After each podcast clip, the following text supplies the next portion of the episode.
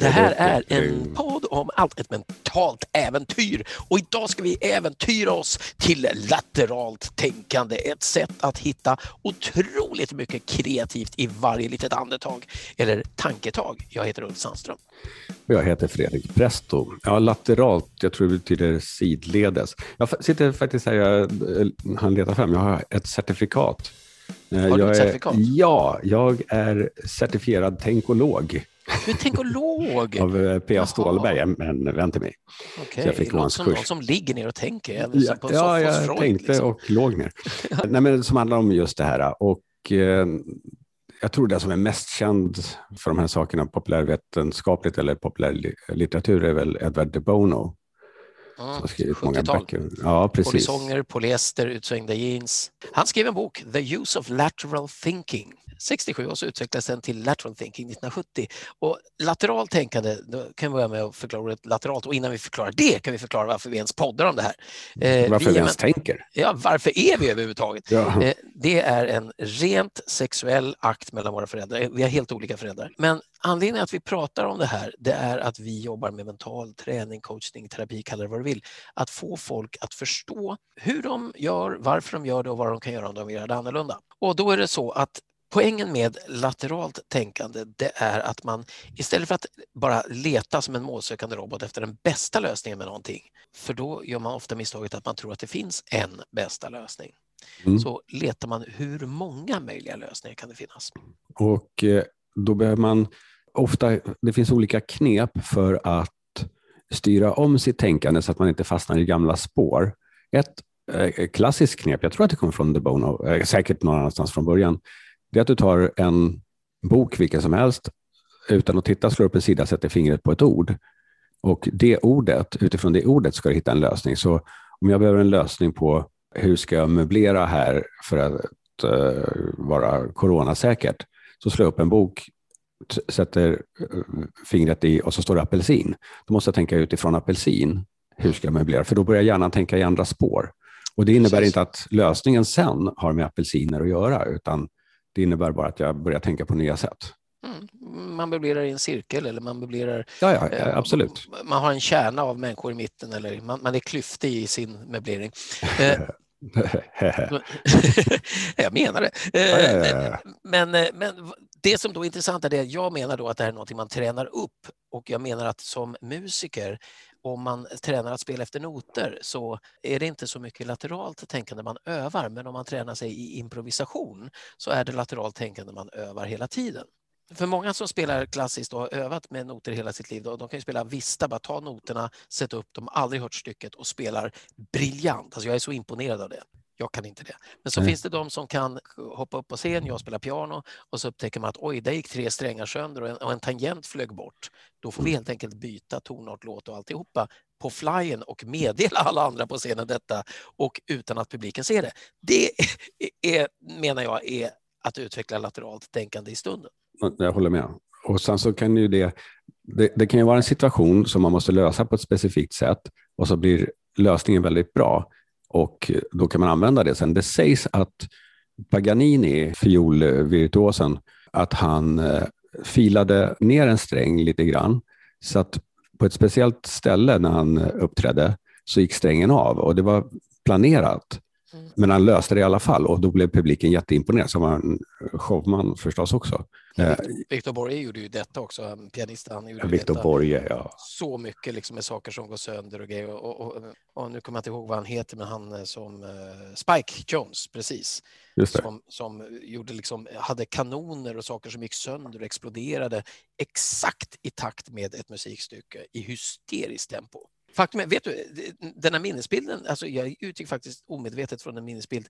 Det fanns en restaurang som hette Kaos med en, en fantastisk krögare som hette Parwin som fortfarande finns och en, en, en eh, ytterst välklädd brittisk eh, sik med ett fantastiskt skägg. Eh, jag gillar honom. Jag spelade där, jag var mm, knappt torr i blöjan höll jag på att säga. Ja, ja, eh, bakom öronen. Ja, jag hade blöjan bakom öronen. Ja. Spelade där jättemycket och eh, på det stället så hade de ett akustiskt piano, vilket är ganska, inte alltid det finns på krogen för man måste underhålla dem mycket. Och jag minns speciellt en kväll när jag hade bett honom, bönat och bett att han skulle ta dit en pianostämmare. Och till slut så sa han, ah, okej okay, då, vi stämmer med skiten.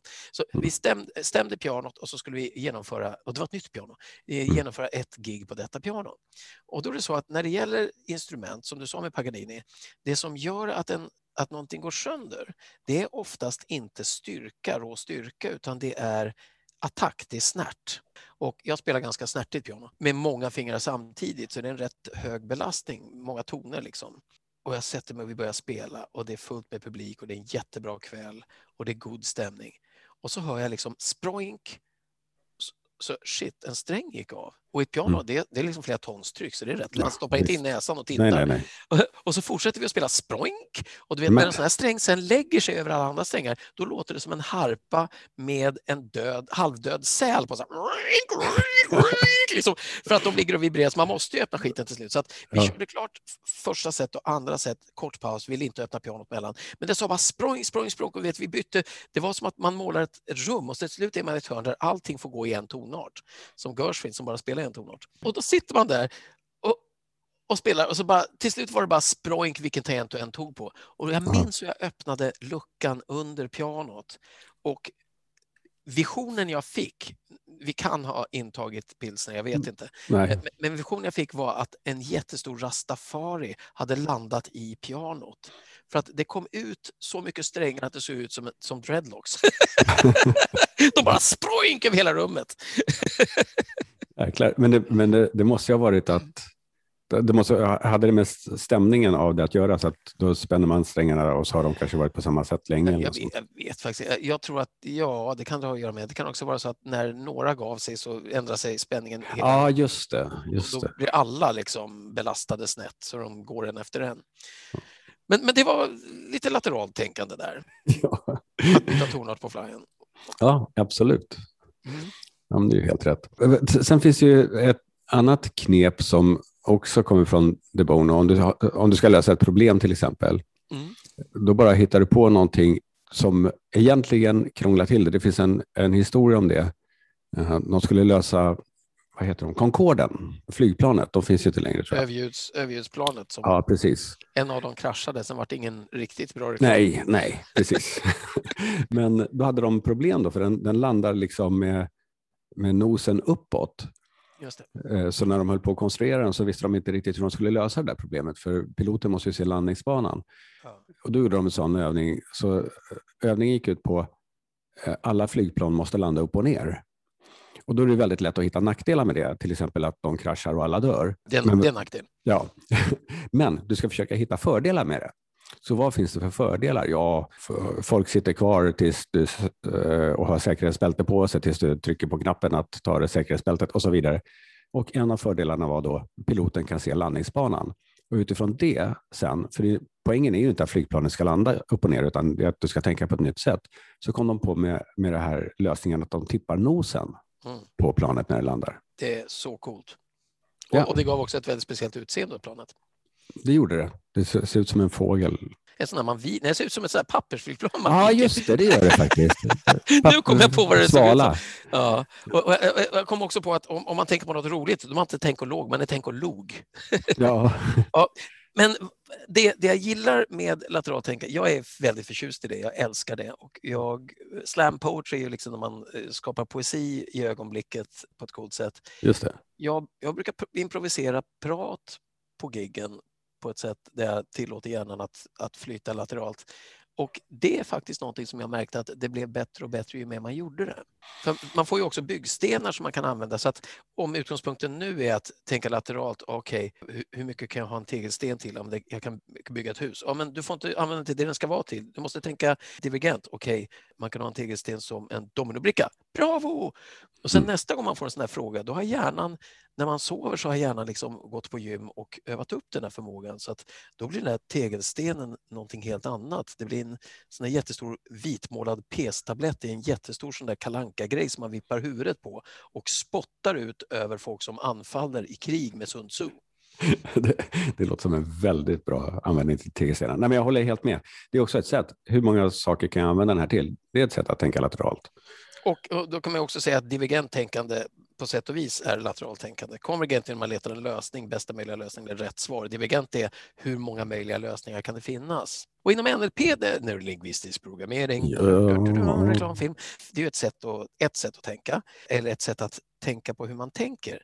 Där finns mm. det en metod för att tänka lateralt. Ja, nu vet inte jag faktiskt vad du syftar jo, på. Det vet du visst. Och man ja. tänker lite två sekunder. Nyss sa jag kalanka och PS-tabletter. Ja. Kalanka, vem har skapat det?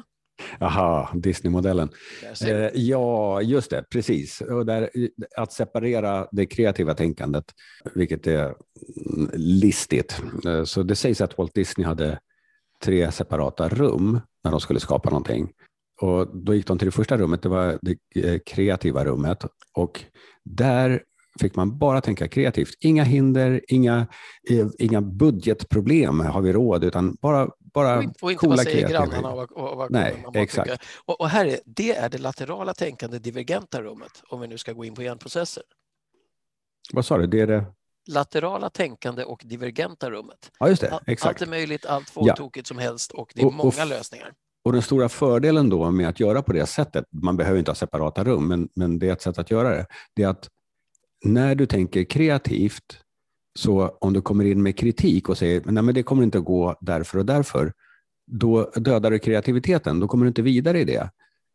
Så att, För att då skiftar du från lateralt till vertikalt. Exakt. Du kopplar om hjärnan, du kan inte liksom köra framåt och bakåt med en bil på samma gång. Nej, det går inte. Eller gör det det? Eller... nu, nu, måste vi tänka, på något sätt ska det gå. Ja, ja, precis. Och, och sen då när man har eh, kre, kreerat jättemycket, då går man till nästa rum som är genomförarrummet. Hur ska Stopp. vi lösa det här? Vänta, vänta. Mm. jag insåg plötsligt att mini-pitbull är hundarnas Concorde. Det, det, är bara en sidnot på det här, men jag vill bara ha det sagt. Googla en bild på en mini-pitbull sen. Den har Jaha, nej, jag har aldrig, aldrig sett. Okay. De är så jävla snygga. Skitsamma, okej, okay, andra ja. rummet, kör. ja, genomföra rummet. Så hur ska vi lösa det? Och här, här är fortfarande inte kritik, utan bara möjliga lösningar. Ja, vi måste ha hydrauldomkrafter som lyfter alla stolar i biosalongen, eller vad det nu skulle kunna vara. Så bara lösningar på det som man har kreerat fram. Så bilden jag får är att i första rummet så bara gör man massa skisser och kastar upp bollar i luften. Och, och, sen så i andra rummet så tar man en snapshot av alla bollar i luften och så tittar man på dem och börjar mäta. Jaha, den där väger tre kilo, den är två till höger. Så får man, man, man bryter ner det till vad som behövs. Vad innebär det här? Men, fort, men fortfarande, ingen, fortfarande ingen eh, kritik. Så inte, in, ja, i tid och kostnad, och peng, men inte det blir för dyrt. Nej, inte, nej, inte, inte bra eller dåligt, utan bara nej, så här just det. Ska vi ha Sen, 500 balettdansörer på månen så måste vi ha syrgasmask till alla. Eller så måste exakt, vi friskriva oss från konsekvenserna av att de inte har syre. Ja, alla dör. Varför hamnar vi i det igen? Ja, okay.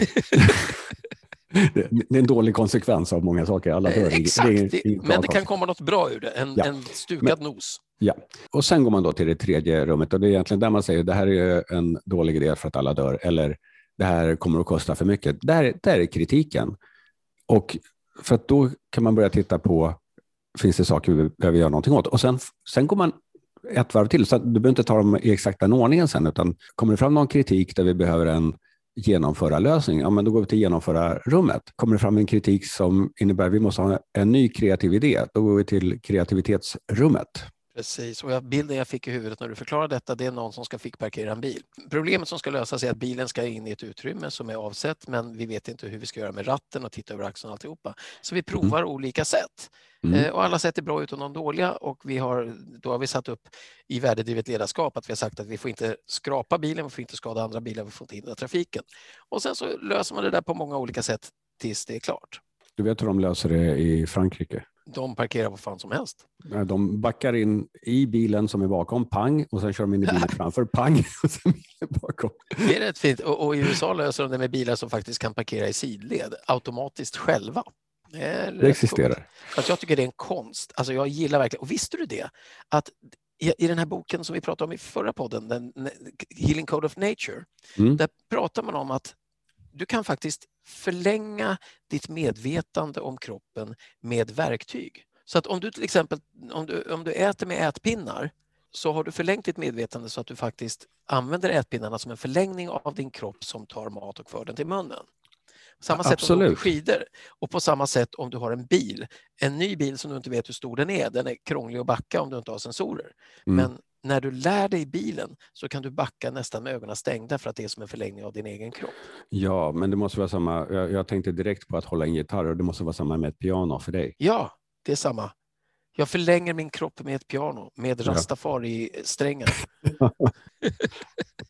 ja, men det där Disney, Disneyrummet, det, det, är så enkelt och så praktiskt. Och just det här, om du bara tänker att du kan inte, om du vill köra framåt så kan du inte ha backen i eller handbromsen eller bromsen, utan du måste släppa alla bromsar som är kritis, kritiskt tänkande, för hjärnan ska koppla om. Första mm. rummet, fullt ös åt alla håll, vart fan du vill. Andra rummet, fram med kartan, var är vi nu? Mm. Tredje rummet, är det bra eller dåligt? Mm, exakt om tredje rummet kommer in i första rummet så dör den kreativa processen. Den ja, dör. Alla, alla dör. Nu är vi där på döden igen. Fan också! Men det kan komma något bra ur den. Det är så man gör konjak. Man destillerar flera gånger. Exakt. Ja, men då så. Ja, nej, men då så, då är vi klara med det här. Ja, ja. Ringer du gitarren? Eller hur? Men vi ska bara säga om du vill kontakta oss så är det, det busenkelt. Har vi mejladress? Ja, och hur är den? Tja, tja, tja. Ja, den är info enpodomalt.se, ett mentalt äventyr. Alla dina synpunkter är viktiga på något sätt för någon. Ja. Kanske för oss. Ja. Mm. Är det dags för gitarren nu? Det är dags. Här kommer den.